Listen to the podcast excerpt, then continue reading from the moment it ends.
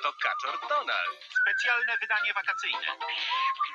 a w nim zawsze śmieszne komiksy Walta Disneya. Kawały i figle. Coś ekstra, zagadki Simby i konkurs super nagrody. Cztery rowery górskie dla ciebie, mamy i taty. Albo dla kolegów. To najzabawniejsze pismo świata. Stawiam na Donalda.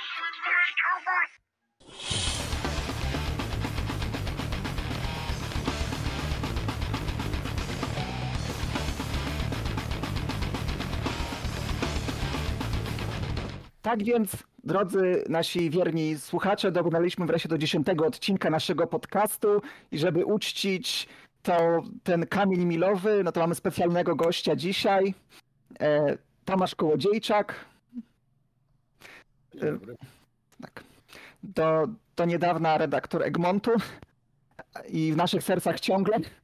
Tak, do, żeby formalności stało się więc zadość, to redaktor naczelny Kaczora Donalda w latach 95-2004, publicysta, pisarz, poeta, e, człowiek, który uratował polski komiks, e, odznaczony Złotym Krzyżem Zasługi, odznaku zasłużony dla kultury polskiej, e, no i też współautor podręcznika do informatyki. Mam tutaj, nawet szukałem jakiegoś cytatu, ale. Tomasz Kołodziejczak, witamy bardzo serdecznie. Dzień dobry. Mm. Jeszcze system To- to- DOS Norton Commander, Commander był w tym podręczniku omawiany. No, no, no dobrze, to jak to z tym podręcznikiem było? Bo tu widziałem copyright y, rok 1997, to wtedy był pan już redaktorem naczelnym Kaczora Donalda. To Kaczor Donald to był wtedy taki samograj, że można było jeszcze po godzinach pisać podręczniki do informatyki? Pewnie możemy na ty przejść, będzie łatwiej. E, Wydaje mi się, że masz wydanie drugie albo trzecie. E, Zgadza się? Ja na początku, Drugie. ja kończyłem, prawie, prawie skończyłem Politechnikę Warszawską, Wydział Mechaniki Precyzyjnej, więc, więc na tym się trochę znałem. Przez dwa lata pracowałem w szkole liceum jako nauczyciel informatyki, jako młody człowiek. No i tak się złożyło, że z kolei z tych, w związku z moimi działalnościami fantastycznymi, pisaniem opowiadań, felietonów do Feniksa, e, znałem się z ludźmi z wydawnictwa Pruszyński. Moja żona też tam pisywała takiego pisma poradnik domowy teksty i poprosił mnie w poradnik domowy, żebym e, napisał tekst dla mam, jak kupować pierwszy komputer dziecku. To gdzieś tam początek lat 90. to rzeczywiście była ciekawa sprawa i mało kto się na tym znał. E, A jak już napisałem ten artykuł i tam zeszło na rozmowę o tym, że wydawnictwo ma zacząć wydawać podręczniki, zaproponowali mi napisanie podręcznika do informatyki, który napisałem wspólnie z nieżyjącym już niestety moim kumplem też od fantastyki Jar- Jarosławem Zielińskim. No, zajmowaliśmy się tam edytorem tekstów tak, e, DOSem, Nortonem Commanderem, programowaniem, przepraszam, w języku Pascal chyba 4.0, więc to naprawdę archeologia. Wniosek mam z tego taki, żeby zamknąć ten wątek, że lepiej jest pisać podręczniki do geologii niż do informatyki, bo jak człowiek raz napisze podręcznik do geologii, to może być wznawiany przez 100 milionów lat, a jak napiszesz podręcznik do informatyki, to w zasadzie co roku musisz pisać jego nową wersję. No i w pewnym momencie właśnie już zabrakło mi czasu w związku z Egmontem, a, a Jarkowi tam z jakimiś jego innymi pracami napisanie tych nowych wersji, więc chyba ta, którą masz jest, jest, jest ostatnią edycją jakąś zaktualizowaną na ten rok. Mhm. Ilustrował ten podręcznik, bo to może jeszcze ciekawe, Krzysiek Kopeć, czyli mój serdeczny przyjaciel, e, ilustrator również mojej powieści dla dzieci Przygody Rycerza Darlana i, i komiksu, który razem zrobiliśmy. Wówczas bardzo intensywnie rysujący komiksy do takich pism jak Ciuchcia czy DD Reporter. No więc on robił te żartobliwe rysuneczki. Także to też podręcznik, ale taki trochę do informatyki, ale taki trochę komiksowy w treści. A, a te, ten podręcznik to wyniknął tylko e, z wiedzy, czy też z fascynacji informatyką? No bo w końcu Kaczor Donald, każdy numer zaczynał się od wstępniaka e, podpisywanego was komputer. Z rządzy Tak. pieniędzy się wziął. E, Ja No wtedy tak. byłem młodym przekiem zakładającym rodzinę. Z pisania fantastyki utrzymać się nie dało. Szukaliśmy wszelkich rodzajów aktywności, jakie było można zrobić gdzieś tam w, w okolicy tego pisania i redagowania. E, Napisałem podręcznik do informatyki, byłem e, redaktorem wielu pismach, pisałem recenzję do Feniksa, do, do takiego pisma jak Asimov Science Fiction Magazine. Tuż przed tym, jak przeszedłem do redakcji Kaczora Donalda, e, byłem naczelnym pisma Magia i Miecz, które wprowadzało RPG na polski rynek. A robiłem też programy w radiu i telewizji, także no to, to kombo tych działań było bardzo, bardzo duże, bo taki był początek lat 90. i żeby tam jakoś pływać na powierzchni, mieć kasę na wynajęcie mieszkania, założenie rodziny, no to trzeba było biegać bardzo szybko. Jak słyszę dziś narzekania młodych ludzi, jak to oni, oni się muszą napracować, to z całym szacunkiem dla nich tam naprawdę żeśmy zasuwali jak komi chomiki w klatkach wtedy. To zresztą przy wielu ciekawych rzeczach, takich jak popkultura, która doprowadziła mnie, bo to jest tematem tego spotkania, w 95 roku do e, redakcji Kaczora Donalda. A to No twój... A, Tak, tak. To każdy człowiek renesansu, y, człowiek orkiestra, tak o sobie skromnie mówi, że tylko e, z chęci zarabiania pieniędzy, a to, to, to naprawdę gdzie się nie spojrzało, to można było dostrzec Tomasza Kołodziejczaka, jak ktoś się interesował w, tamtym czasie pod popkulturą. Nie chcę powiedzieć, że wyskakiwał Tomasz Kołodziejczak z lodówki, ale, no, ale tak. To, to, to wynikało z potrzeby, znaczy z miłości oczywiście częściowo, bo ja byłem jako dzieciak, nastolatek fanem fantastyki, komiksów i gier, więc jak po tym 89 roku rynek się otworzył, to po prostu zająłem się tym, co lubię. Próbowałem te studia skończyć, próbowałem się utrzymać, stąd ta praca w szkole. No ale pisaliśmy opowiadania, pisaliśmy książki, pisaliśmy recenzje, jakieś gry robiliśmy. Grę paragrafową napisałem wtedy. Zacząłem pisać jakiś system RPG. No po prostu próbowaliśmy, organizowałem konwenty, tak?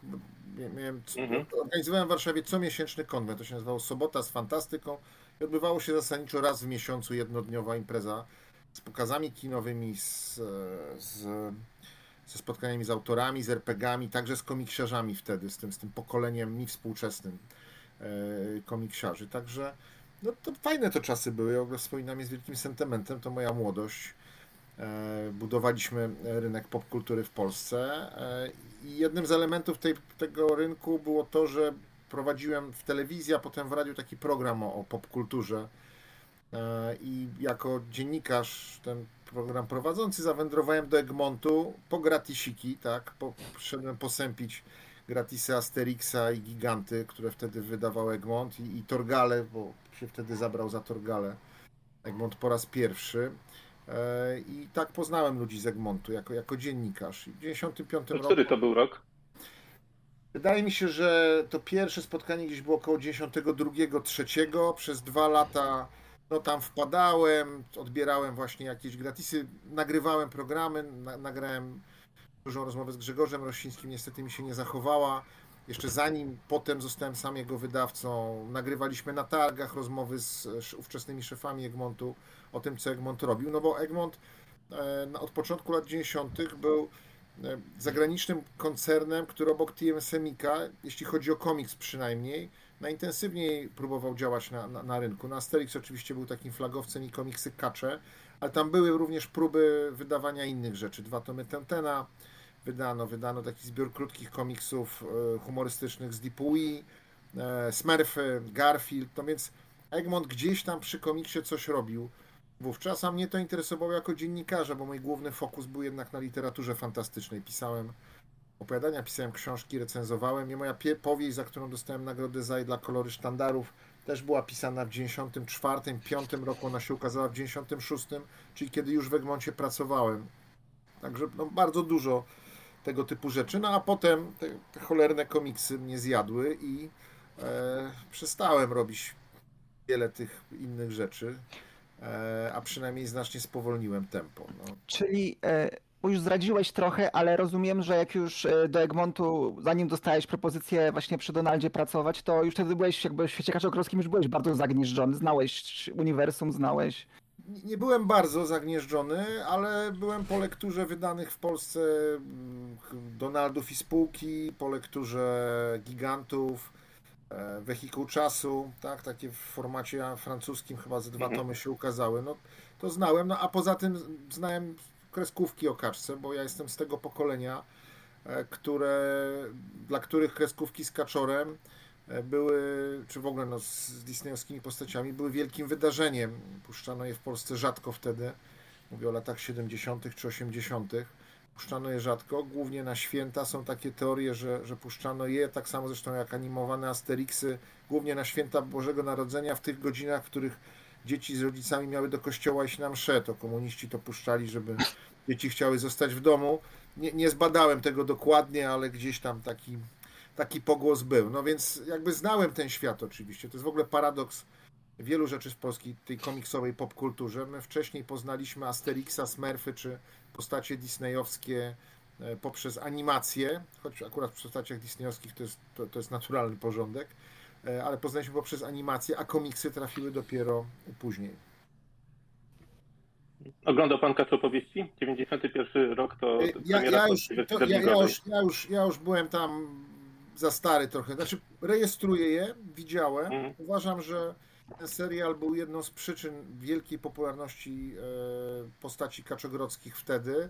E, tych przyczyn było więcej oczywiście, to pewnie o nich sobie powiadamy, ale to był bardzo dobry serial z, z fajną akcją, więc nie jest tak, że się ślęczałem przy każdym odcinku, no bo ja wtedy miałem już 23-4 lata, zajmowałem się już troszkę innymi rzeczami w życiu, ale, ale tak, no rejestrowałem go, bo wciąż łapczywie e, zbierałem, kontemplowałem i, i, i zaglądałem w różne miejsca związane z tą docierającą do nas popkulturą amerykańsko-zachodnioeuropejską.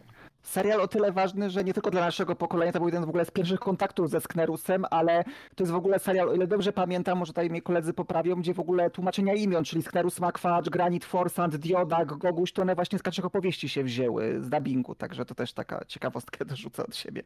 To jest możliwe. Jak ja przyszedłem do, do Kaczora w 95, to ten standard imion podstawowych był już określony. E, Natomiast no, później tam były jeszcze oczywiście drobne zmiany, ale, ale, ale ten standard był, więc być może ten serial go wytwarzał.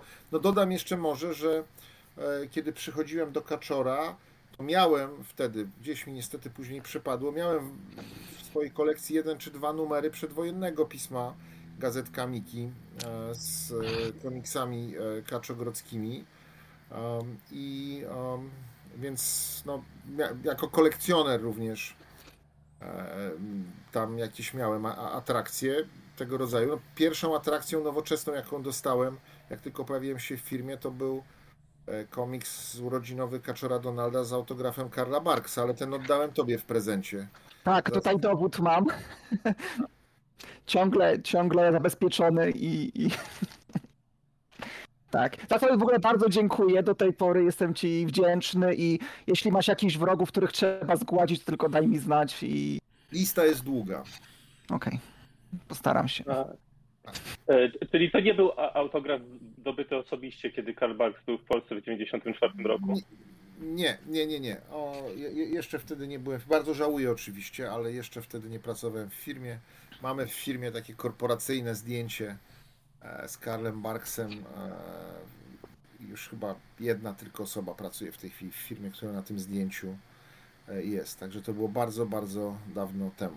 To jest w sumie niesamowite, bo ja słyszałem właśnie historię, że w latach 90. wczesnych w Polsce był właśnie Karl Barks, Stan Lee i o tym tak naprawdę nikt nie wiedział, bo nikt nie wiedział, kim oni... Tak, tak było. No ale skąd mieliśmy wiedzieć? No to No jest tak. jasne, że- że nikt nie wiedział.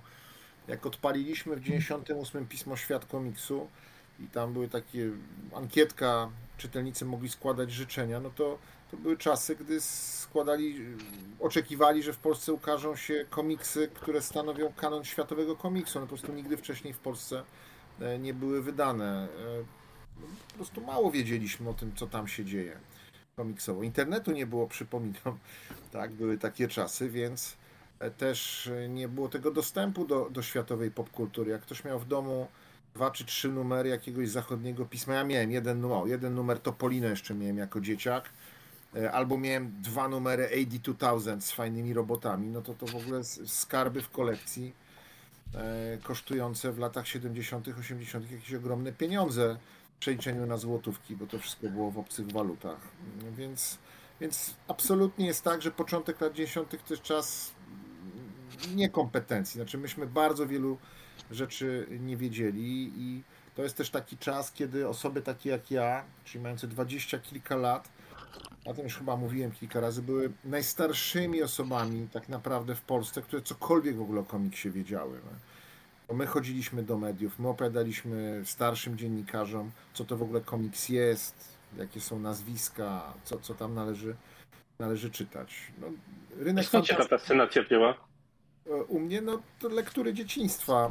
E, Tak jak mówię, czytałem fantastykę, mój tata zbierał książki fantastyczne i, i wtedy było ich tak niewiele, że jak ktoś się w ogóle co interesował popkulturą, no to sięgał po wszystko, co jest z tym związane. Któregoś razu tata mi przyniósł do domu pierwszy numer relaksu, oczywiście wcześniej gdzieś tam e, tytusy, czy te, czy te komiksy dziecięce, które krążyły. No myśmy to wszystko pochłaniali. Jakieś białe kruki krążyły. Też nie było super dostępu do kserografów, więc też to kolekcjonerstwo było znacznie utrudnione. No, Pamiętam czasy, gdy miałem dwóch czy trzech znajomych w Polsce, z którymi się wymienialiśmy paskami wycinanymi z gazet tam z e, różnych lokalnych e, pism. No, najbardziej znanym jest pewnie ten dziennik wieczorny, e, przepraszam, Wieczór Wybrzeża, gdzie Kajtek, Kajtek Koko się ukazywał, ale to były kluby, często przy klubach fantastyki, jakieś takie prywatne korespondencje. Udawało się do, zdobyć dostęp do ksero, się kserowało, te paski wysyłało. No więc wtedy się tym zainteresowałem, czytałem, zbierałem. Tak jak mówię, potem troszkę wyszedłem, jednak ten komiks, komiks w PRL-u był głównie komiksem dziecięcym. W 82 na, rynek, na rynku pojawiło się pisma Fantastyka, które wprowadziło no, trochę poważniejszy komiks. Ukazało się też troszkę serii takich no, bardziej dojrzałych z tym Torgalem gdzieś na łamach relaksu, potem drukowanym przez KAF, e, czy z seriami, serią według Denikena. No i jakby ten komiks cały czas towarzyszył moim zainteresowaniem fantastycznym. Potem przyszedł rok 89, ta eksplozja cała. Gdzieś tam po drodze Szninkiel, wydawnictwo Orbita, różne komiksy tego rodzaju. Pojawili się superbohaterzy. Zacząłem też to kupować, choć potwornie drogie, muszę wam powiedzieć, były te komiksy. No w ogóle wydawał dla studenta, który miał dużo innych wydatków w owym czasie rozrywkowych, ale już może niekoniecznie czytelniczych, to te komiksy wydały się potwornie drogie. Muszę wam powiedzieć, ci wydawcy w Polsce jakoś strasznie drogo sobie liczą za komiksy. Nie No, no wtedy ceny szły w tysiące złotych. E, 10 tysięcy złotych chyba kosztował, e, bo to przed jeszcze zmianą waluty, jeden taki se- semikowy komiks. No gdzieś tam te kaczory po drodze, no więc e, komiks nie był moim głównym hobby. Moim głównym hobby była fantastyka. E, Mhm. Natomiast kiedy przyszedłem do Egmontu, to to, że jednak siedziałem w nim i cokolwiek o nim wiedziałem, znakomicie pomogło zrobić te wszystkie rzeczy, które tam zrobiłem potem. E, No i no i skupiłem się na komiksie od strony czysto zawodowej, odstawiając fantastykę troszkę do kąta. Ja, ja przez cały czas pracy w Egmoncie coś pisałem, wydawałem książki, publikowałem e, publicystykę, ale, ale jednak zawodowo związałem się na te dwadzieścia kilka lat z komiksem w różnych jego postaci. No, za to jesteśmy zresztą bardzo wdzięczni. A, tak. Ten komiks, e, numer 21 z 95 roku, to pierwszy komiks, e, pierwszy Kaczordana, w którym e, w stopce pojawia się nazwisko Tomasza Kołodziejczaka, ale rozumiem, że był pan już trochę przy tej redakcji e, trochę wcześniej. E, A sam Kaczor wystartował e, nieco 90 ponad rok wcześniej, zas- zastępując e, czasopismo Mickey Mouse. Czy wie pan z tych może opowieści redakcyjnych albo z własnych obserwacji jeszcze jak nie był pan redaktorem, jak bardzo ta zmiana, ten rebranding z Mickey Mouse na Kaczora Donalda wpłynął na sprzedaż czasopisma? Wpłynął bardzo dobrze. Cały rebranding wziął się z tego, że sprzedaż Mickey Mouse'a siadała. No jak pamiętacie, na początku były w ogóle dwie gazety, Donald Duck i Mickey Mouse. One się potem połączyły w dwutygodnik Mickey Mouse'owy. E, No ale z nim się, z tym pismem wydarzyło się to samo, co z bardzo dużą liczbą tytułów, które trafiły wtedy na polski rynek książkowych czy komiksowych po tym takim początkowym szalonym zauroczeniu polskich odbiorców no, treściami, których wcześniej nie mieli, nie dostawali. E, nastąpiło znużenie, tych treści się pojawiło więcej, pojawiły się alternatywne media, takie jak, jak wideo na przykład. E, I nakłady zaczęły spadać. Pierwszy Asterix przez Egmont został wydrukowany w nakładzie 200 tysięcy egzemplarzy, a już kilka lat później nakłady były po 50-60 tysięcy. To wciąż bardzo dużo. E, Ten Torgal, którego Egmont się zabrał, a nie kontynuował tego wydawania, nie kontynuował go, bo sprzedaży były tylko na poziomie dwudziestu kilku tysięcy egzemplarzy, co w ówczesnym trybie poligraficznym uniemożliwiało zarobienie na tym pieniędzy. I, i ten Mickey Mouse, który stał się dwutygodnikiem, zaczął dawać tam jakieś, jakieś dodatki, przez pewien czas utrzymywał fajną sprzedaż, no a potem ona zaczęła spadać. E, Na dek pojawiły się jakieś badania, chyba nie jakieś super poważne, no ale taka generalna obserwacja czytelników, że oni wolą historyjki z e, Kaczorem Donaldem niż z myszką Miki. e, uznano, że jest czas na spolszczenie tytułu i być może również e, uznano, że ten wpływ e, serialu, o którym rozmawialiśmy przed chwilą, będzie na tyle pozytywny, że pismo z Kaczorem Donaldem zacznie sprzedawać się lepiej. E, Przy czym od razu to pismo wprowadziło, bo to nie, było tylko, nie był tylko re- rebranding e, tytułu, Pismo od razu wprowadziło bardzo nowoczesną formę dodatków e, do gazety. Oczywiście one były jeszcze wtedy tekturowe.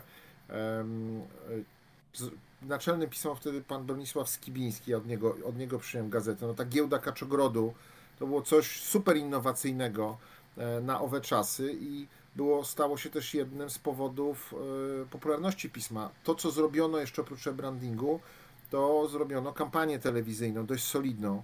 E, Z tego co pamiętam, pismo z tą, z tą giełdą kaczogronu wprowadzane było na rynek z, ze wsparciem bardzo ważnego wtedy medium, jakim była telewizja, no bo rola telewizji w tym podziale tortu reklamowego spada oczywiście i będzie spadać, ale wtedy to było kluczowe medium e, do promocji, więc e, to były przyczyny tej zmiany i one zadziałały. To znaczy pismo złapało, ja oczywiście nie mam w głowie tych liczb, bo to 20, prawie 30 lat temu było, ale mam wrażenie, że jak przychodziłem do redakcji, a ja pojawiłem się w redakcji w lipcu 95 roku, e, przez miesiąc pracowałem tam pod okiem właśnie e, poprzedniego naczelnego, no on potem sobie tam zniknął, poszedł, a ja przyjąłem gazetę, stąd moje nazwisko w stopce jest już raczej w jesiennym numerze, no bo to był pierwszy numer, który sam przygotowywałem samodzielnie, ten cykl produkcyjny e, działał przez pewien czas, więc jeszcze w lipcu, być może sierpniu a pewnie przez kawałek września ukazywały się jeszcze gazety przygotowane zasadniczo przez poprzedni zespół. Jak ja przychodziłem do redakcji, to sprzedawaliśmy gdzieś tam znowu z głowy 60, 50, 70 tysięcy co dwa tygodnie. E, I moim zadaniem było jako redaktora utrzymanie tej sprzedaży oraz powalczenie o to, żeby e, sprzedawać więcej. No i powalczyłem e, bo pismo dość szybko zaczęło rosnąć w sprzedawanych nakładach, a dwa lata później, w 1997 roku, zmieniło cykl z dwutygodniowego na tygodniowy. Myśmy wtedy zakładali, że jeżeli nam sprzedaż z numeru spadnie 10-15%, no bo częściej je sprzedajemy, jest krótszy czas dystrybucji, to będzie ok i od strony takiej biznesowej e, to będzie wartościowe dla firmy, a myśmy przeszli na cykl tygodniowy, a sprzedaż cały czas rosła. E, Także po tam kilku latach złapaliśmy sprzedaże powyżej 200 tysięcy egzemplarzy co tydzień porównaniu z 60 tysiącami co dwa tygodnie. No oczywiście był to absolutnie spektakularny sukces sprzedażowy, biznesowy, dający firmie no, oddech i możliwość zrobienia różnych rzeczy wokół gazety i, i, i w ogóle e, różnych innych rzeczy. E, Przypominam też, bo to jest bardzo ważne, że w tamtym czasie Egmont wydawał może jeszcze ze dwa albo trzy tytuły. Tam był Kubuś Puchatek, Królik Bax, jakieś były podejmowane próby innych pism, ale liczba tytułów była znacznie mniejsza niż e, w późniejszych latach. Pewnie, pewnie i o to pytanie padnie, co się później z Kaczorem stało, ale, ale kiedy ruszaliśmy z gazetą, to była to jedyna w takiej skali, tak nowoczesna, tak dobrze robiona, e, przy czym ja pewien koncept przyjąłem, no próbowałem go zrealizować najlepiej jak sam potrafiłem. E, najlepiej robiona gazeta na rynku prasy dziecięcej w Polsce. Korzystaliśmy tutaj też z różnych pomysłów, które oczywiście kreowano na innych rynkach egmontowych. No, wykorzystywaliśmy to, że firma jest międzynarodowa i że różne fajne projekty e, stamtąd można wziąć. Moja pierwsza wyprawa, moja pierwsza wyprawa do Niemiec, które były największym wydawcą e, Kaczora wtedy. Rynki skandynawskie były bardzo duże, ale w Niemczech sprzedawali go najwięcej. Moja pierwsza wyprawa tam polegała na tym, że wpuścili mnie do swoich archiwów e, w, Stutt w Stuttgarcie, jeszcze wtedy się siedziba firmy mieściła.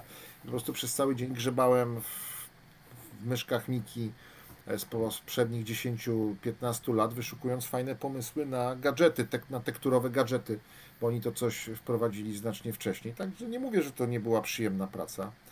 Była bardzo przyjemna. Aczkolwiek opowiadam też często taką anegdotę. Tam przyjechałem do tych Niemców, wprowadzono mnie do pokoju redaktora jakiegoś tam, czy product managera e, myszki Miki i on mówi, a tu przyszedłeś się uczyć z Polski. Ja mówię, no tak, no chciałem zobaczyć, co tu robicie. On mówi, no dobra, to słuchaj, powiem ci, co tu robimy. Otworzył tę myszkę Miki, mówi, zobacz, to jest komiks. Komiks. On mówi, takie obrazki są i tekst jest w dymkach, nie? Ja mówię, tak, tak, tak, sprzedaję 150 tysięcy co tydzień. Tak, mówię, a, tak, to przepraszam. And should go. E, to ja tak spytam, e, to jako właśnie redaktor naczelny, jaki miałeś w ogóle wpływ? Bo to było tak, że miałeś wpływ, jakie historie będą, że miałeś do wyboru, czy też pytanie o okładki podobne, bo na przykład powiedzmy jak właśnie było, pamiętam numer zmienił się z tygodnika na, e, dwutygodnika na tygodnik, to była taka okładka, że nawet idzie z tabliczką, teraz wpadam co tydzień, tam oczywiście w kanał wpada. E, Ale właśnie jestem ciekaw, jak na, jak, jaki był właśnie wpływ. Czy to było tak, dostawałeś gotowy schemat komiksów i pisma, czy jeśli chodzi o tą stronę merytoryczną, taką okay. postać. Je- Jeśli chodzi o komiksy, to one były nam y, sugerowane. e, Jak pismo przekształciło się w, tygod- w dwutygodnik Catcher Donald, to na przykład jednym z założeń było to, że zawsze pismo otwierać będzie dzi- z komiks Karla Barksa. Tak? To, było, to było jedno z założeń tej zmiany.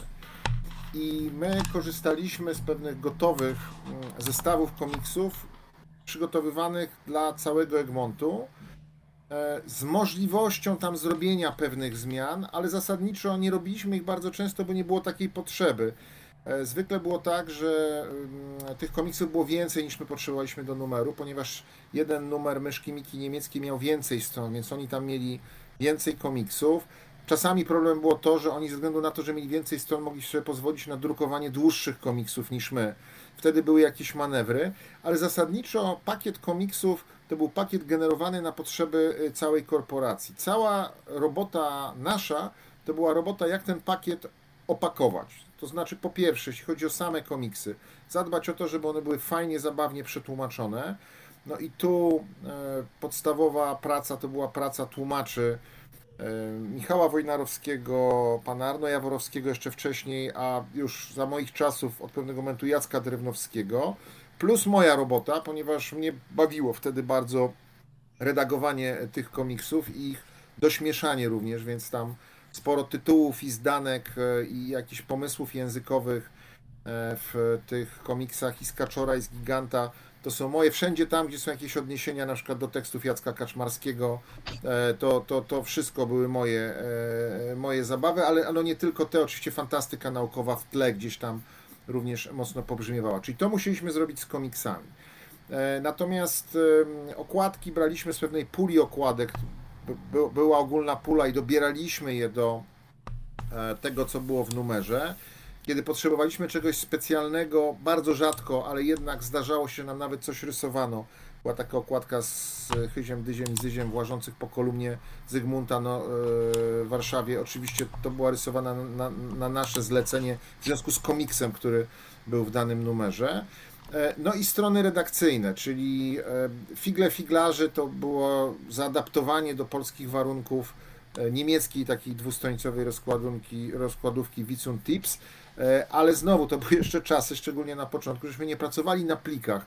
Myśmy dostawali filmy e, od Niemców e, i trzeba było w te rameczki, gdzie oni tam mieli czarne swoje teksty, trzeba było te teksty wyciąć, na komputerku już tak, siedział detepowiec i tam ustawiał, żeby polskie teksty w to pasowały, więc mieliśmy gotowe rysunki, trzeba było do nich e, przetłumaczyć albo dorobić tekst, który pasował. Czasami te ich pomysły nie były super, więc trzeba było jakoś poprzekształcać, do, do wymyślić tekst do gotowych rysunków. No i różnego rodzaju strony redakcyjne, na przykład strona z łamigłówkami, tam siedziałem, układałem krzyżówki na przykład, tam też nie na żadnym komputerze, tylko na kartce papieru pokratkowanej. Te krzyżówki, które może rozwiązywaliście y, dawno, dawno temu, to, to, to, to ja, więc wszystkie błędy e, w nich zawarte to również jest na, na, na moją głowę, na moją głowę to spada. Różnego rodzaju łamigłówki logiczne, ja bardzo lubiłem je, bo jestem do dzisiaj ma- maniakiem łamigłówek logicznych, więc, więc różne rzeczy tego typu e, tam wymyślałem. Mm, Opisy na tylnej okładce, tak, więc cała ta edytorska część plus komputer jako taki łącznik z e, czytelnikami, to było wszystkie, to było wszystkie rzeczy, to na te rzeczy miała wpływ redakcja. E, W gigantach nie mieliśmy wpływu na nic, to znaczy tłumaczenie tylko, bo tam całość to był produkt międzynarodowy, drukowany dla wielu krajów ze zmianą kolorów tylko na okładce, teksty. mm, Teksty były zmieniane tylko czarne. W Kaczorze jeszcze była taka rzecz, że My drukowaliśmy kaczkę razem z e, kolegami z Czech, Węgier, chyba Słowacji w pewnym momencie. W tak zwanej koprodukcji polegało to na tym, że środek komiksu, 32 strony, znaczy komiks składał się z 38 stron, z trzech składek 16-stronicowych. Składka to jest 16 stron. I zewnętrzna składka tego komiksu była składką, na której mogliśmy wymieniać wszystkie kolory, bo logo, bo tytuły, bo zapowiedzi. Środkowa składka również była składką, na której wymienialiśmy wszystkie kolory, bo tam były te strony redakcyjne. A taka składka pomiędzy, czyli strony od 9 no chyba do 16 i potem od, od odpowiednio 20, tam 30 którejś do którejś, to były strony, które drukowaliśmy razem z kolegami e, z innych krajów i tam mogliśmy zmieniać tylko czarny kolor. Z tego na przykład wynika to, że część luk e, przy komiksach była czarno-biała, bo to były loga, które właśnie były na tych międzynarodowych składkach. To oznaczało też, że a tam jeszcze jeden, jedna rzecz taka była, że oni mieli nie dwutygodnik, przepraszam, jak mieliśmy tygodnik, to oni mieli dwutygodnik. Co tym idzie, układ komiksów musiał być taki, żeby nie było sytuacji, że na przykład my drukujemy coś w częściach i im zabraknie jakiegoś kawałka, albo że, no bo wydrukują jeden numer z nami, a już kolejnego nie wydrukują. E, Także jakieś materiały typu konkursy, czy jakieś takie rzeczy musiały być tak wymyślane, żeby oni sobie mogli skorzystać z tego i obsłużyć to w, tym, w tej swojej e, mniejszej częstotliwości. Także tam oprócz kwestii redakcyjnych e, było sporo takich, nazwijmy to, technicznych, znaczy decyzji redakcyjnych wynikających z kwestii technicznych. Kiedy mówiłem o redakcji komiksów, przez kilka lat e, redaktorem i taką osobą nadzorującą język Kaczora był profesor Bralczyk. Ja biegałem do niego z numerami kolejnymi na Uniwersytet Warszawski. Muszę powiedzieć, ponieważ byłem po swoich studiach, tam jak raz siedziałem przed jego tym gabinetem z sąsiedniego, wyszła jakaś inna pani, mówiła, pan do mnie na egzamin, no po prostu włosy mi stanęły dęba na głowie, pod, mimo że przecież to, to, to naprawdę na ten egzamin tam nie szedłem. Profesor Bralczyk dbał o taką rzecz, bardzo kluczową uważam dla języka, którego używaliśmy w Kaczorze Donaldzie. To znaczy tego, żeby balans między jego jędrnością, zabawnością, niegrzecznością czasami, a, a jednak poprawnością językową, ale też taką poprawnością treści, które dostarczamy dzieciom, no bo to byli wtedy przede wszystkim odbiorcy Kaczora, żeby on nie został zachwiany. To była moim zdaniem największa trudność, z jaką mierzyliśmy się. Wyzwanie ciekawe, bardzo ciekawe zadanie dla tłumacza, redaktora i tego kontrolera, żeby z jednej strony to było zabawne, fajne, balansujące na krawędzi, ale z drugiej strony nie przekraczające dobrego smaku e, i jednak niegrzeczne. To były inne czasy. Uważam, że w tej akurat sprawie lepszy język publiczny był znacznie bardziej stonowany niż dzisiaj i na wiele rzeczy, na które dzisiaj pozwala się w, w filmach, w produkcjach, w ogóle w mediach, w prasie, na demonstracjach politycznych, na które dzisiaj sobie ludzie pozwalają, wtedy na to sobie nie pozwalali. Uważam, że była to leksykalnie lepsza rzeczywistość. Współczuję tym, którzy muszą w tej funkcjonować, e, więc częściowo sobie również. E, Ale to była główna dbałość. Czy jak nazwiemy kogoś cymbałem w komiksie, to to jest przekroczenie granicy dobrego smaku, czy nie jest? E, Czy debil to jest już przekroczenie, czy nie? I cymbał, na przykład wedle naszych standardów, cymbałem można było kogoś nazwać, a debilem już nie w dialogu. Co nie oznacza, że nie dostawaliśmy listów od rodziców, nie było jakichś uwag, że tu nieładnie się odzywa jeden do drugiego i tak dalej. No bo zawsze jak chodzisz po, po jakiejś krawędzi, po jakiejś linie, no to dla kogoś e, tę granicę przekroczysz, a dla kogoś jej nie przekroczysz. I zdarzały się osoby, które uważały, że my przekraczaliśmy wtedy te granice. Ale to było, to było bardzo fajne i to też e, ta część roboty dostarczyła mnóstwo satysfakcji. To dośmieszanie komiksów, bawienie się tym, żeby w podtekście komiksów były jakieś treści dla dorosłego odbiorcy. Naszą ideą było też to, że te komiksy, i stąd też nazwisko profesora Bralczyka używane przez nas w komunikacji na temat pisma, było to, żeby pismo było super atrakcyjne dla dzieci, e, ale żeby rodzic, który weźmie je do ręki, przeczytał i powiedział: O, to jest śmieszne, to jest inteligentna rozrywka, nie boję się tego dać swoim dzieciakom. Czyli to coś, co teraz jest powszechnie stosowane w filmach dla dzieci. Mówi się, że Shrek był takim przełomem, ale ja się z tym nie zgadzam. Uważam, że wiele filmów disneyowskich wcześniej grało również z tym. E, My staraliśmy się stosować w komiksach. Fajne, atrakcyjne, ale bezpieczne dla dzieciaków i jednocześnie na tyle inteligentne, że dorosły czytelnik znajdzie tam nawiązania do filmów, do literatury, do, do piosenek Kaczmarskiego i tak dalej, i tak dalej. Czyli jakby komiks wartość komiksu, strony edytorskie, które miały być atrakcyjne, fajne, wciągające, dające do myślenia, dające dziecku dużo do tego value for money, że ono przeczyta komiksy, ale spędzi potem z tymi sztuczkami, łamigłówkami i zagadkami kolejne minuty, kwadranse czy godziny. No i trzecia rzecz, gadżet, który wtedy był gadżetem papierowym, no i w szczególności kiedy przeszliśmy na tygodnik, trzeba było nieźle się nagłówkować, jak dostarczyć 52 gadżety rocznie, może mniej, bo tam były podwójne numery od czasu do czasu, ale 52 gadżety rocznie z tektury, technologicznie z tektury albo z papieru, które będą atrakcyjne i fajne, stąd pomysły, które przyniosłem do gazety z branży gier, e, e, jak drzewo analogiczne, gdzie tam miksowało się nalepkami, czy na przykład z gra Zbuduj swój kaczogród, która e, no, związana była z tym, że pracowałem wcześniej w Magii Mieczu i, i obsługiwałem tam wydanie Doom Troopera pierwszej karcianki w Polsce.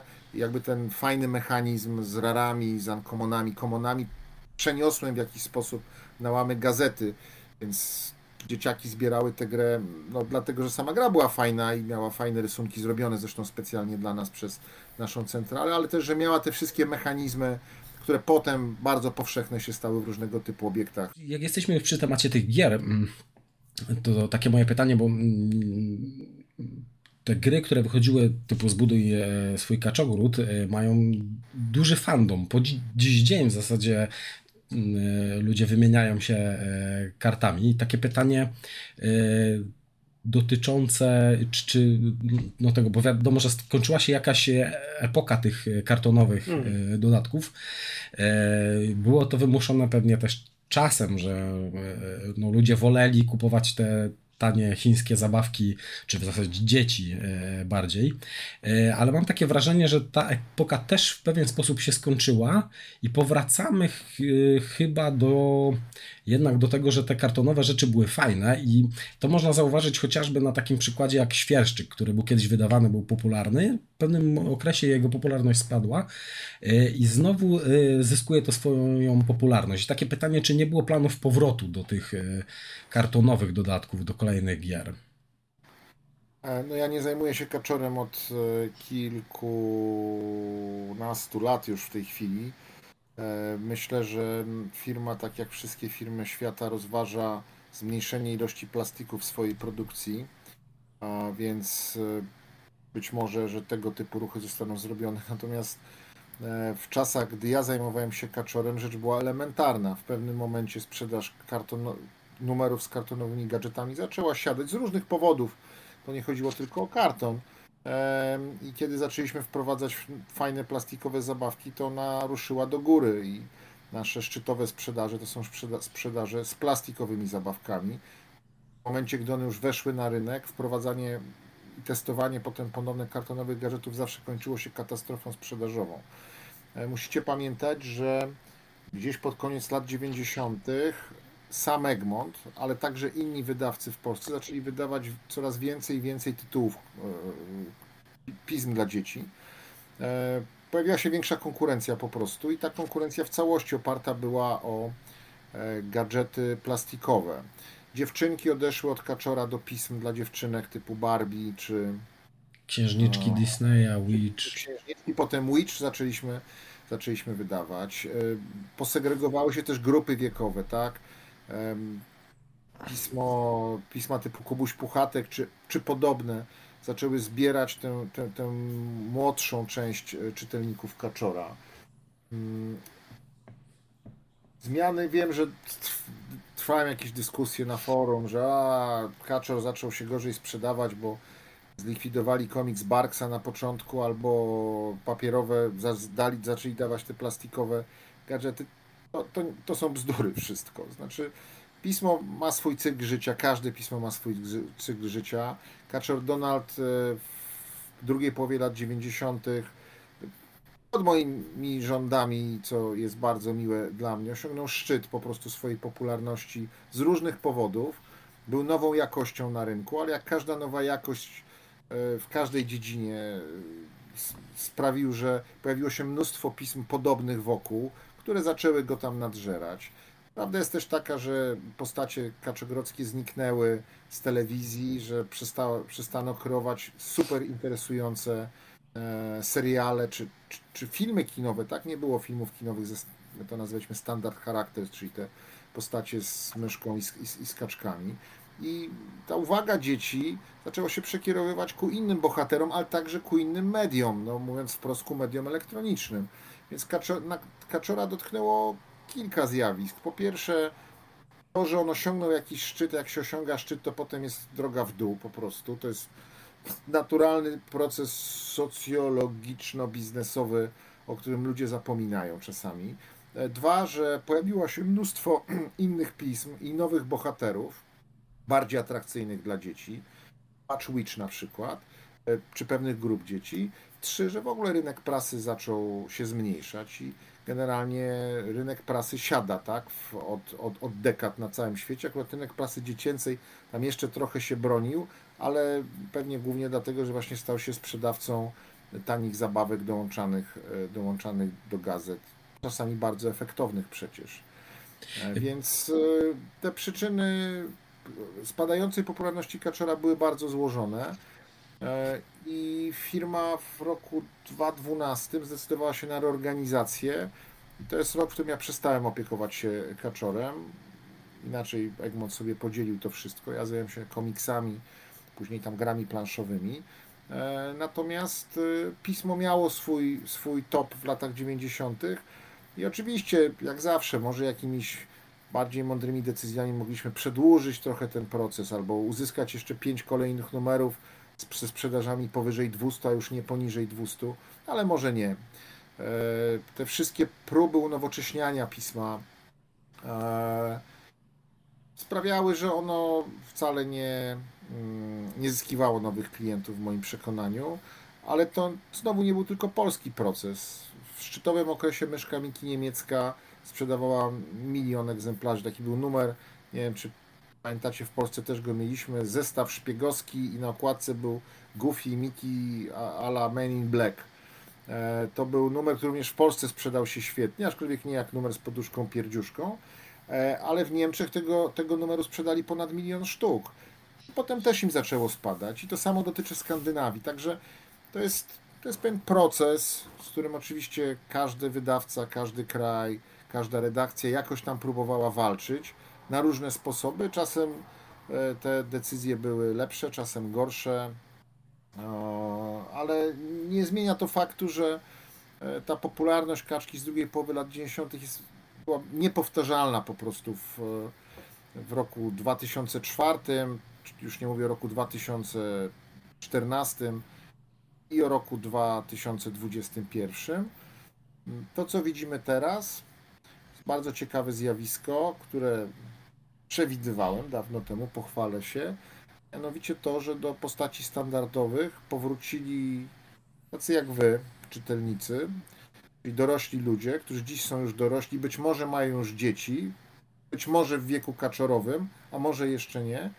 A to są czytelnicy, którzy po pierwsze e, mają nadal ochotę czytać e, nowe opowieści z giganta, e, więc widzicie pewne ożywienie w, w komiksach gigantowych. To są czytelnicy, którzy są gotowi wydać większe pieniądze na zakup elegancko wydanej klasyki e, disneyowskiej. To do nich adresowaliśmy e, Barksa i Rozę i tam różne inne rzeczy, które robimy. I wreszcie są czytelnicy, którym jak się pojawią dzieci w wieku lat 7-8, być może na powrót zaczną kupować im samego Kaczora Donalda, po to, żeby pod pozorem dania ich dziecku samemu gdzieś tam w kącie e, sobie go przeczytać. No ale to przeskoczyliśmy trzy dekady. Odpowiadam, długo odpowiadam na pytanie e, o plastikowe gadżety, ale tak, lepka, rączka i poduszka pierdziuszka to były tam jakieś re- rekordy sprzedaży i jakkolwiek wszyscy z sentymentem wspominamy mm, wy jako odbiorcę, jako ktoś, kto to wymyślał i robił, bo to było przyjemniejsze dla, dla wydawcy i dla redaktora wymyślać nową grę, wymyślać mm, łamigłówki o podboju kosmosu i robić do nich grę, albo wymyślać ten taki Indiana Jonesowy cykl gier, e, które też tam w pewnym momencie e, się pojawiły na łamach pisma, też właśnie z RPGów trochę, e, trochę wzięty z jakimiś edytorskimi ciekawymi pomysłami, niż dokładać do pisma kolejne plastikowe strzelacze. To było ciekawsza, ciekawszą była ta robota wcześniejsza, ale to, co się wydało, wydarzyło później, było trendem Tego chcieli czytać odbiorcy tak naprawdę ówcześni, i którzy decydowali własnymi pieniędzmi o tym, co kupują, a czego nie. I było trendem obejmującym nie tylko Polskę, więc nie było to żadne lokalne zjawisko związane z niemądrymi albo błędnymi decyzjami lokalnych redakcji. Ja tu Myśl- tylko muszę wtrącić, jeśli chodzi o łapkę, czy tak, że co to się nazywało, kacza noga, to to była, ja mam tego sentyment, mojego, mojego kota była ulubiona zabawka. Ilekroć były te łapki, to po prostu kot wariował w jakimś punkcie. Przeżył ich zjadanie? Coś było w zapachu, wiesz, po prostu musiał, musiał, ale tak, polowanie też, ale coś w zapachu było, że... Ja, ja myślę, że się z tym zgodzę, bo e, taki sam proces e, przepłynął wiele lat wcześniej w Stanach Zjednoczonych, gdzie te komiksy też z dużej popularności e, przed Europą jeszcze no, przestały być popularne. Nie są już tak popularne jak były kiedyś, od wielu dekad. Więc zgodzę się, że to pewnie jest jakiś proces. E, Ale teraz pytanie, może takie trochę wychodzące w przód, co dalej z Kaczorem Donaldem? Czy w którym kierunku to, to pójdzie?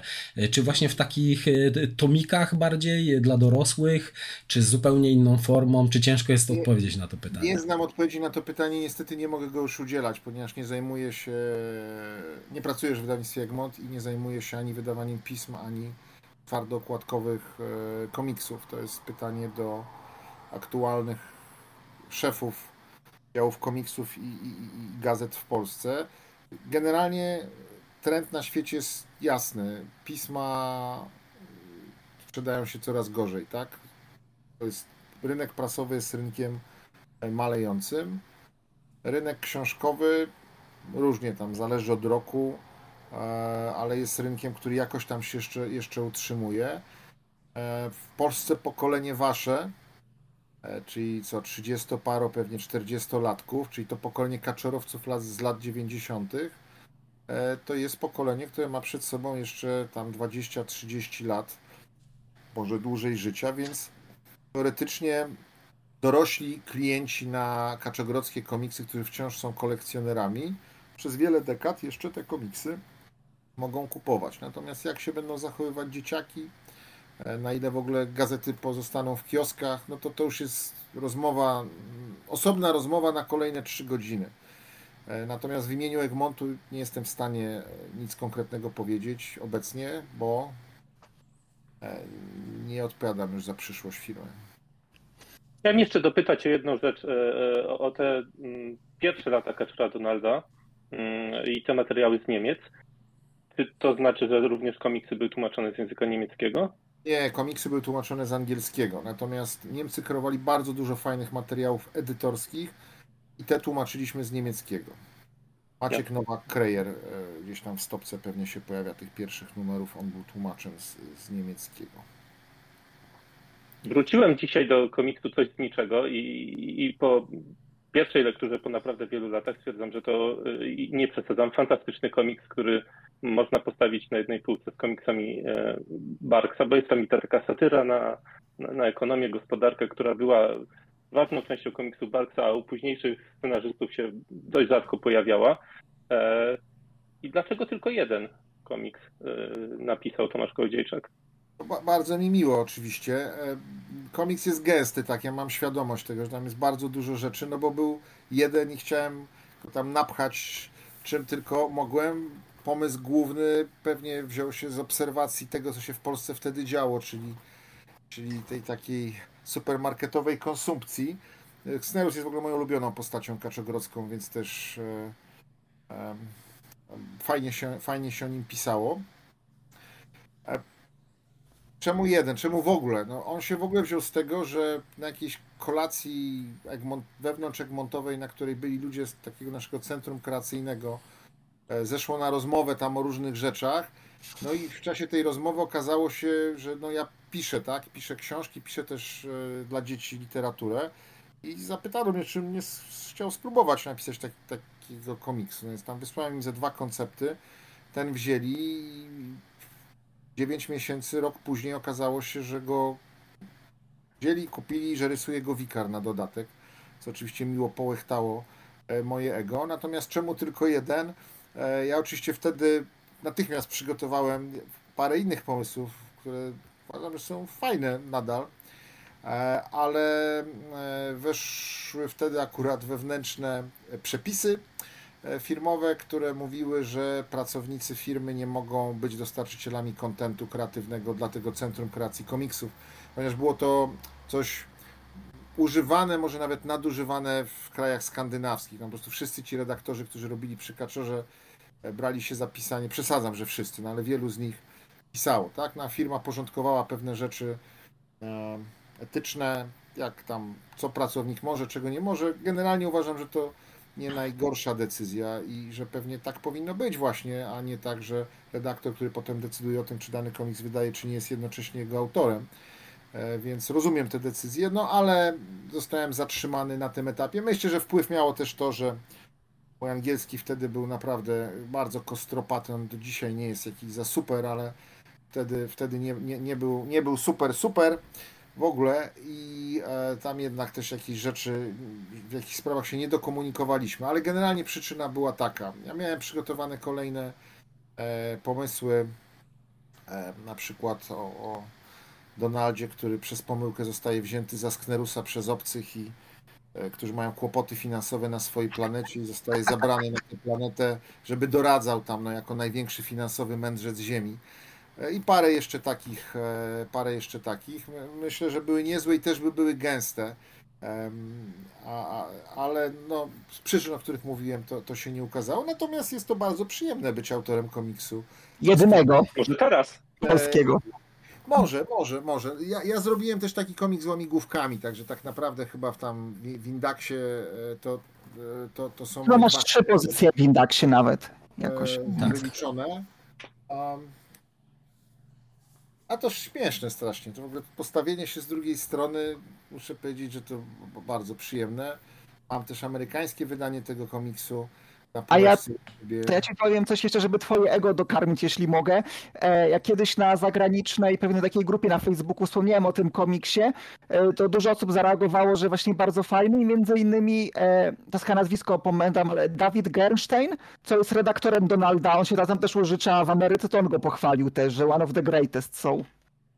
Byłem wtedy 25 lat młodszy, więc pewnie trochę cwańszy, inteligentniejszy i i z większą liczbą dobrych pomysłów. No. Więc z Knerusem jako symbolem kapitalizmu się utożsamiasz, tak?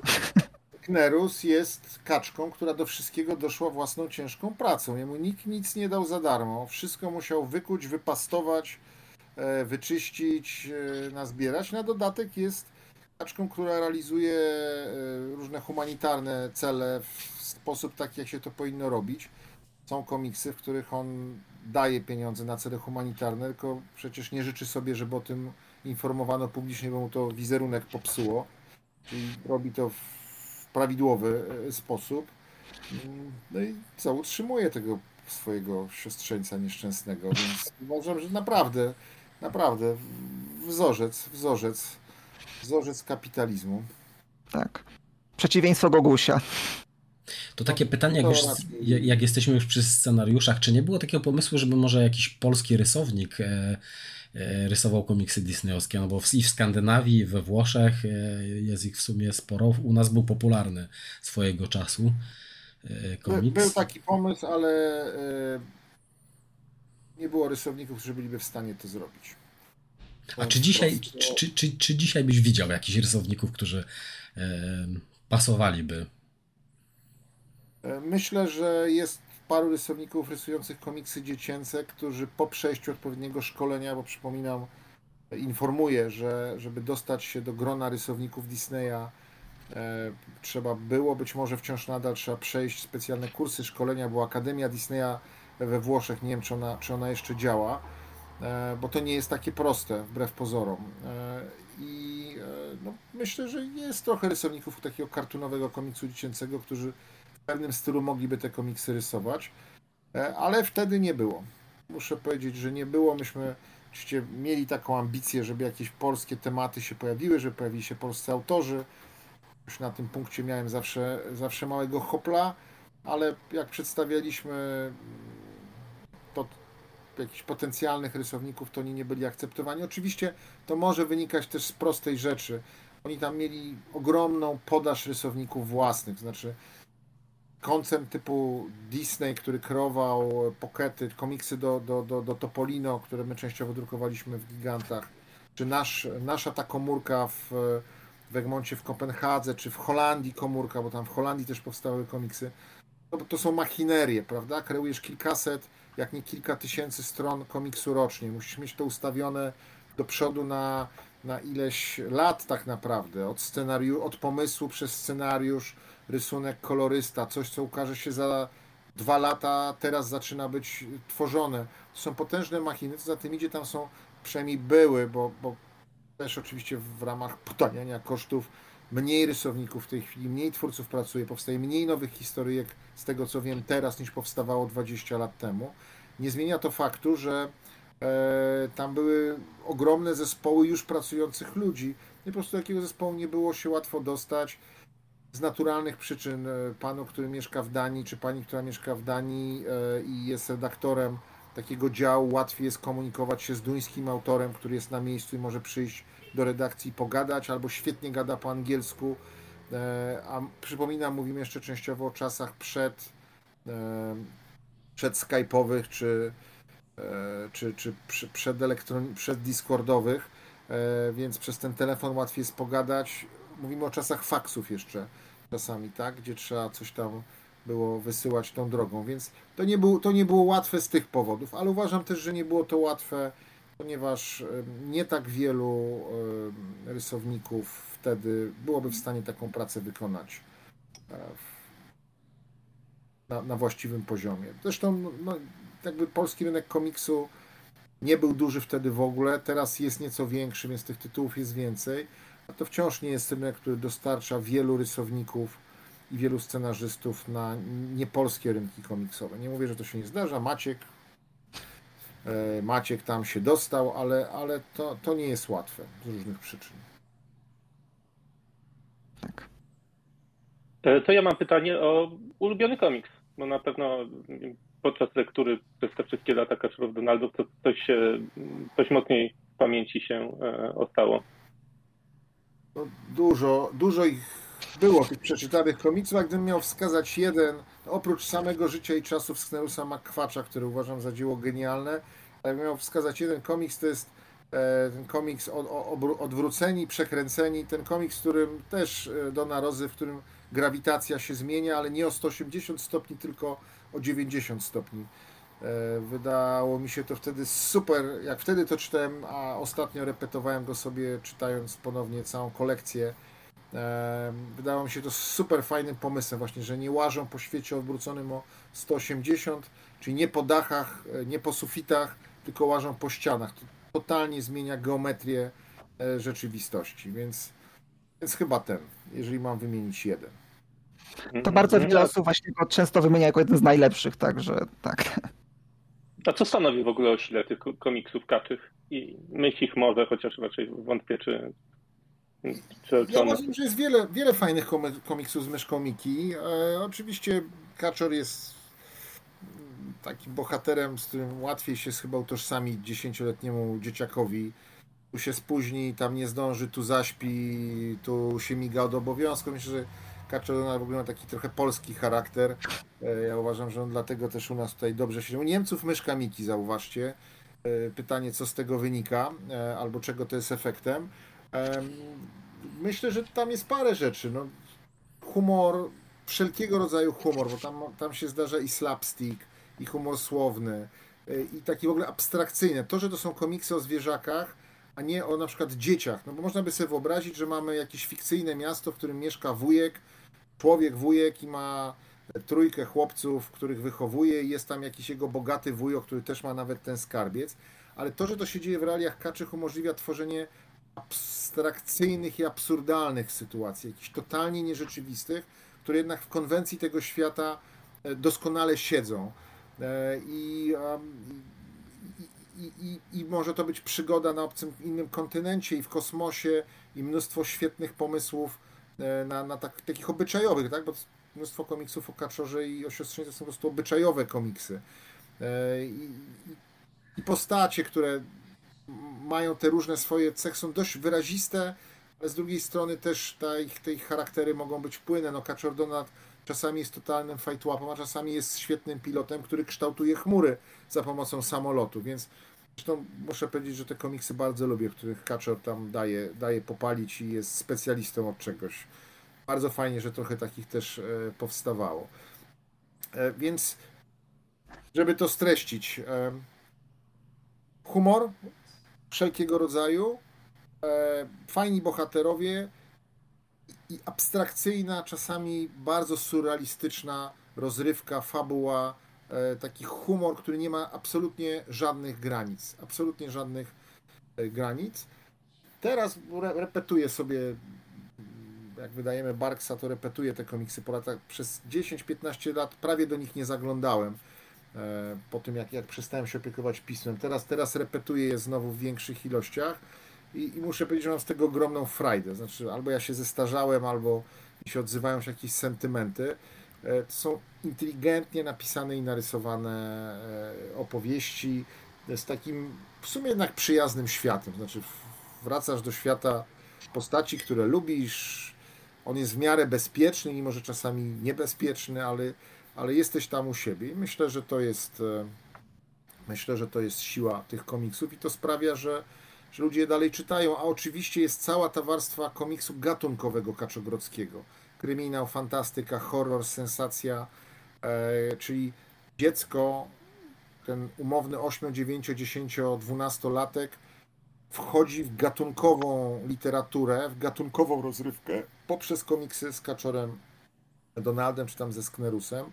E, I to jest pewnie ta grupa komiksów, która również bardzo fajnie czyta się osobom starszym, po prostu szukają ciekawej, trochę zabawnej, prostej być może, nie jakiejś super sophisticated historii w kosmosie albo z dinozaurami, albo fantasy. Nie ja tylko jeszcze bym tylko spytał, czy właśnie, e, bo wspominałeś właśnie, że czasami były od e, listy od rodziców niezadowolonych, czy z tym jakieś ciekawsze anegdoty wyszły właśnie z listami od rodziców, którzy to się tam na jakichś tam cymbałów skarżyli, czy coś takiego. Tak, na przykład no to był przykład. Na to mieliśmy skargę. Tam Jacek Drewnowski wypreparował wtedy bardzo e, dużą odpowiedź cytującą Makuszyńskiego i to, co bohaterzy Makuszyńskiego do siebie mówią. Tam był chyba też z Koziołka Matołka jakieś, jakieś cytaty, co, co Koziołek mówi o różnych ludziach z sugestią, że w klasyce polskiej literatury dziecięcej tego typu słowa i sformułowania są używane. Mm, No, tematy różnych tam zagwozdek to jest, to byśmy musieli kolejne znowu półtorej godziny e, tutaj e, spędzić, więc na to chyba już dzisiaj nie ma czasu. Ale z miłą chęcią umówimy się następny raz, bo y, cudownie się tego słucha. Tak. Dobra, cwaniak. Z, z przyjemnością, tak? Dajmy sobie jakiś czas oddechu i, i spokojnie po wakacjach możemy sobie jeszcze pogadać, bo właściwie co omówiliśmy? Omówiliśmy sam początek pisma i też w zasadzie końcówkę jego, jego funkcjonowania. Panie, Prze- e, prze- Złoty okres Kaczora Donalda, czyli te lata od 94 do 99, to jednocześnie okres, który nazywany jest wielką smutą e, w polskim komiksie, w polskim komiksowie w ogóle. Czy to może jest tak, że to Kaczor Donald uratował polski komiks? Nie, nie uratował polskiego komiksu, ale był jednym z elementów e, budowy rynku komiksowego w Polsce. Jeżeli ktoś miał 10-12 lat w roku 97, to znaczy, że w roku 2002-2003 miał odpowiednio lat więcej, był już nastolatkiem, a więc być może mógł sięgnąć po komiksy inne.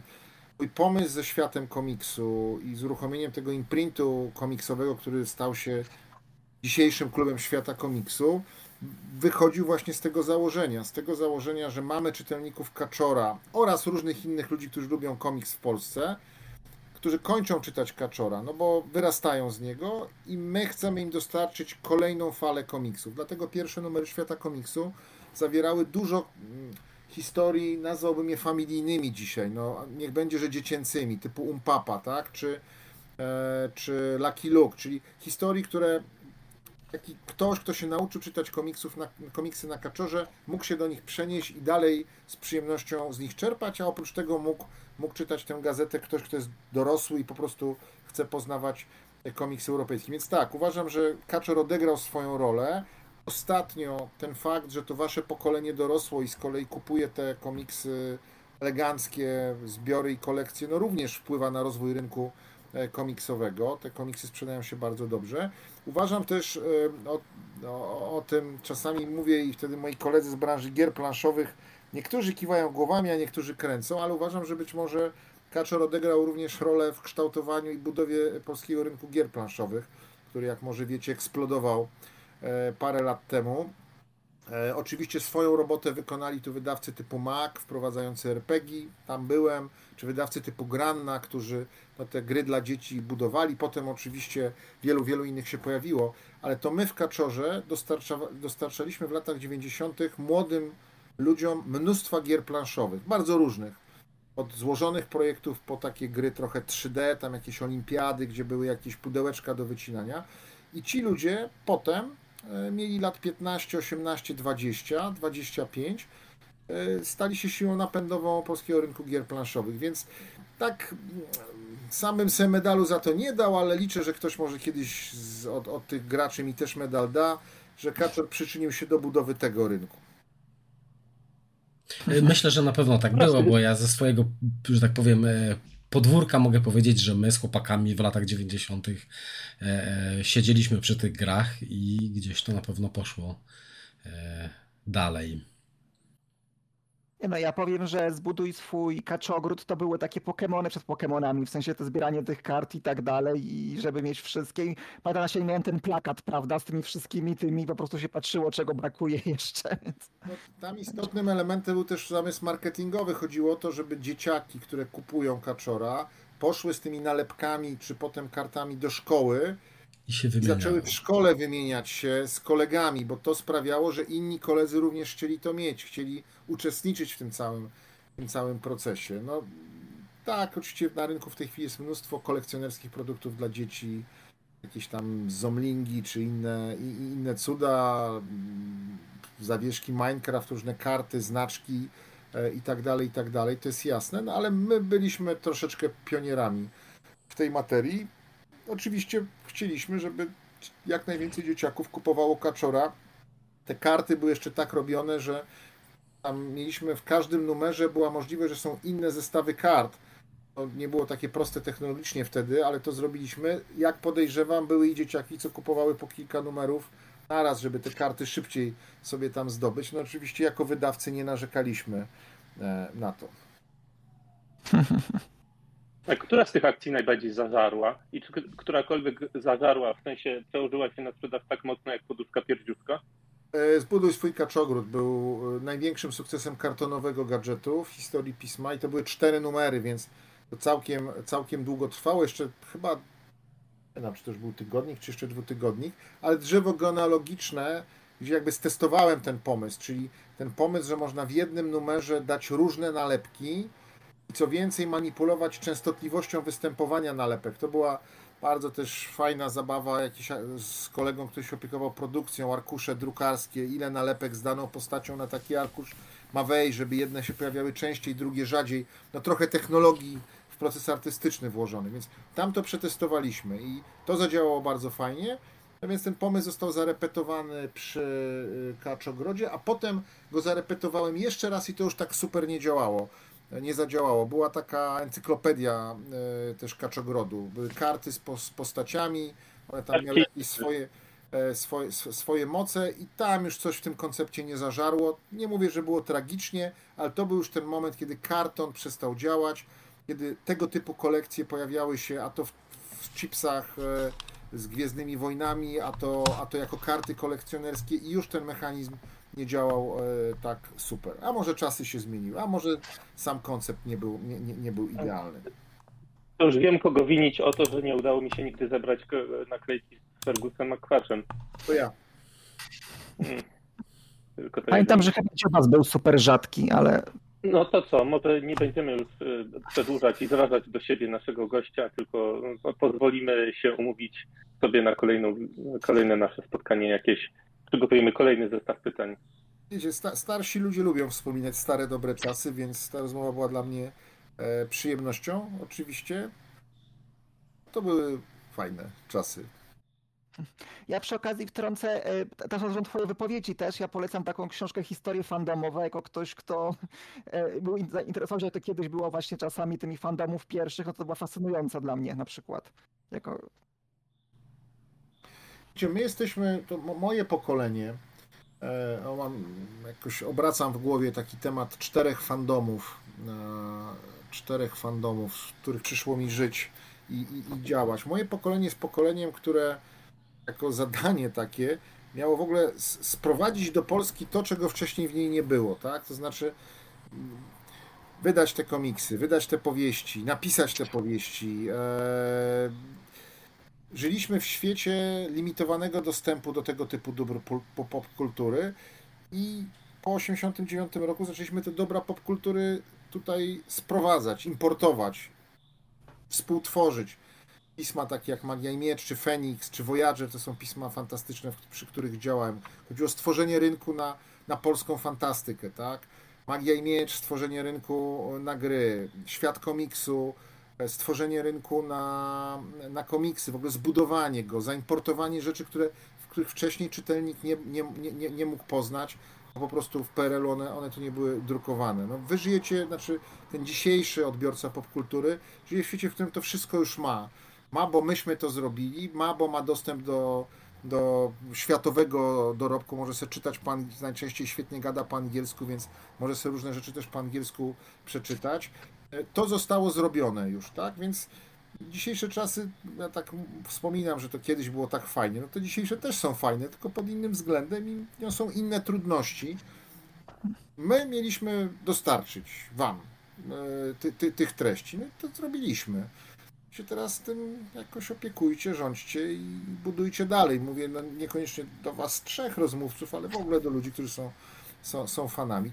To, to od Was teraz zależy, w którą stronę to pójdzie, jak będzie duże, co nowego się tam pojawi. Mm. A my już możemy iść na emeryturę. Oby jak najpóźniej.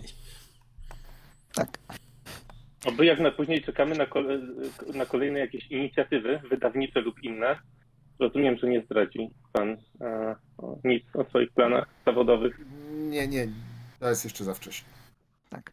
No ja tylko mogę zapewnić, już nie macie Tomku tydzień w Egmoncie, ale już tam panuje dystopia, się podzielili na frakcje wszyscy, wspominają cię w legendach na muralach, że kiedyś, prawda, byłeś, niektórzy wątpią, czy istniałeś, czy nie, ale, ale tak, już Wiesz co, mam, w Egmoncie został wspaniały zespół ludzi, e, który, który będzie te wszystkie rzeczy robił. E, natomiast prawda jest taka, że życie korporacyjne właśnie takie jest, jak powiedziałeś. Człowiek odchodzi z korporacji po dwóch, trzech miesiącach. e, Część ludzi w ogóle nie pamięta, że tam był, nie pamięta, jak miał na imię. Przychodzą nowi ludzie. Ponieważ przepracowałem w jednej korporacji 28 lat, to ten proces obserwowałem z bliska. Mam znajomych pracujących w innych korporacjach. Tak po prostu jest. Nie ma w tym nic dziwnego, ani nawet nic zdrożnego. Nie, ja myślę, że taka y, ikona wręcz jak Tomasz Kołodziejczak to nie zostanie na pewno nigdy zapomniany. poży, pożywią, powidzim. E, a poza tym to jest też naturalny proces. Nie? Teraz rozmawiamy sobie troszkę już filozoficznie, a mniej o Kaczorze Donaldzie. To jest naturalny proces. Ludzie mają coś do zrobienia, robią to, potem uznają, że mają inne rzeczy do zrobienia, w ich miejsce wchodzą inni. Was też to dotknie, Maciek. Ty też kiedyś będziesz starym zgredem, starym scenarzystą komiksowym, o którym młodzi scenarzyści komiksowi mówią, no kiedyś to on dobrze pisał, a teraz to już musi nam ustąpić miejsca i nie zajmować, nie zajmować rynku. No zobacz. ale to jeszcze mam czasu troszkę na to. przygotuj się, bo to lepiej być przygotowanym. My trochę tego doświadczyliśmy już, bo dwadzieścia kilka lat temu zaczęliśmy budować ten fandom disneyowski i co niektórzy to pokolenie, które pamięta tamte czasy, to je, jeszcze pamięta, że tak było, ale już są takie pokolenia, które nie wiedzą nawet, że istniało coś takiego jak Disney Polska e, grupa dyskusyjna, więc trochę rzeczywiście tak jest, że my te, też tego doświadczyliśmy, że o pewnych rzeczach ludzie zapominają, a, e, no, a wszystko się zmienia. Tak. No cóż, Filozoficznie zrobiło na końcu. Czas Ale-. Nie Tak. Tomku, właśnie chciałem powiedzieć, bardzo Ci dziękujemy. Dziękujemy za wszystko, co zrobiłeś dla naszych ukochanych kaczek z Kaczogrodu.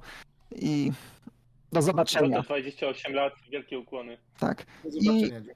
I czekamy, i czekamy, aż będą jakieś oficjalne newsy, jaki kolejny wielki krok zrobiłeś. Tak, liczymy, liczymy na to, że porozmawiamy o tym jeszcze. Trzeba naprawić Netflixa teraz. Netflixa mam strzesanego, tam już nie za wiele jest do oglądania. Oglądam teraz dziwny, dziwny serial kryminalny bardzo. A, tak, tak, tak. Czekam, czekam w końcu, aż któryś, aż któryś stream wrzuci, wrzuci e, Gwiezdne Wrota, bo to jest mnóstwo sezonów do oglądania. Bardzo, bardzo. Tak, te, teraz y, MGM należy do Amazona, więc najprawdopodobniej jest szansa, Oby, oby. Że, że Amazon Prime. Oby, oby. A czytam bardzo fajną biografię Lucy Montgomery, autorki Ani z Zielonego Wzgórza aktualnie. Świetna, świetna lektura i to są moje plany na najbliższe trzy tygodnie. Mam zamiar przeczytać bardzo dużo książek, które w stosiku leżą do przeczytania. No, to życzymy, Nie mogę swojej emerytury doczekać. życzymy miłej lektury i do zobaczenia. Trzymajcie się, Dziękuję. dziękuję za Hej. zaproszenie. Coś wam powiem, coś co się nie mieści w głowie Każdy ziomal odlotowy, czytać taka jest gotowy spoko sprawa, jest zabawa Kaczor do nas, wiedzą wszyscy, to jest ziomo, jest słabisty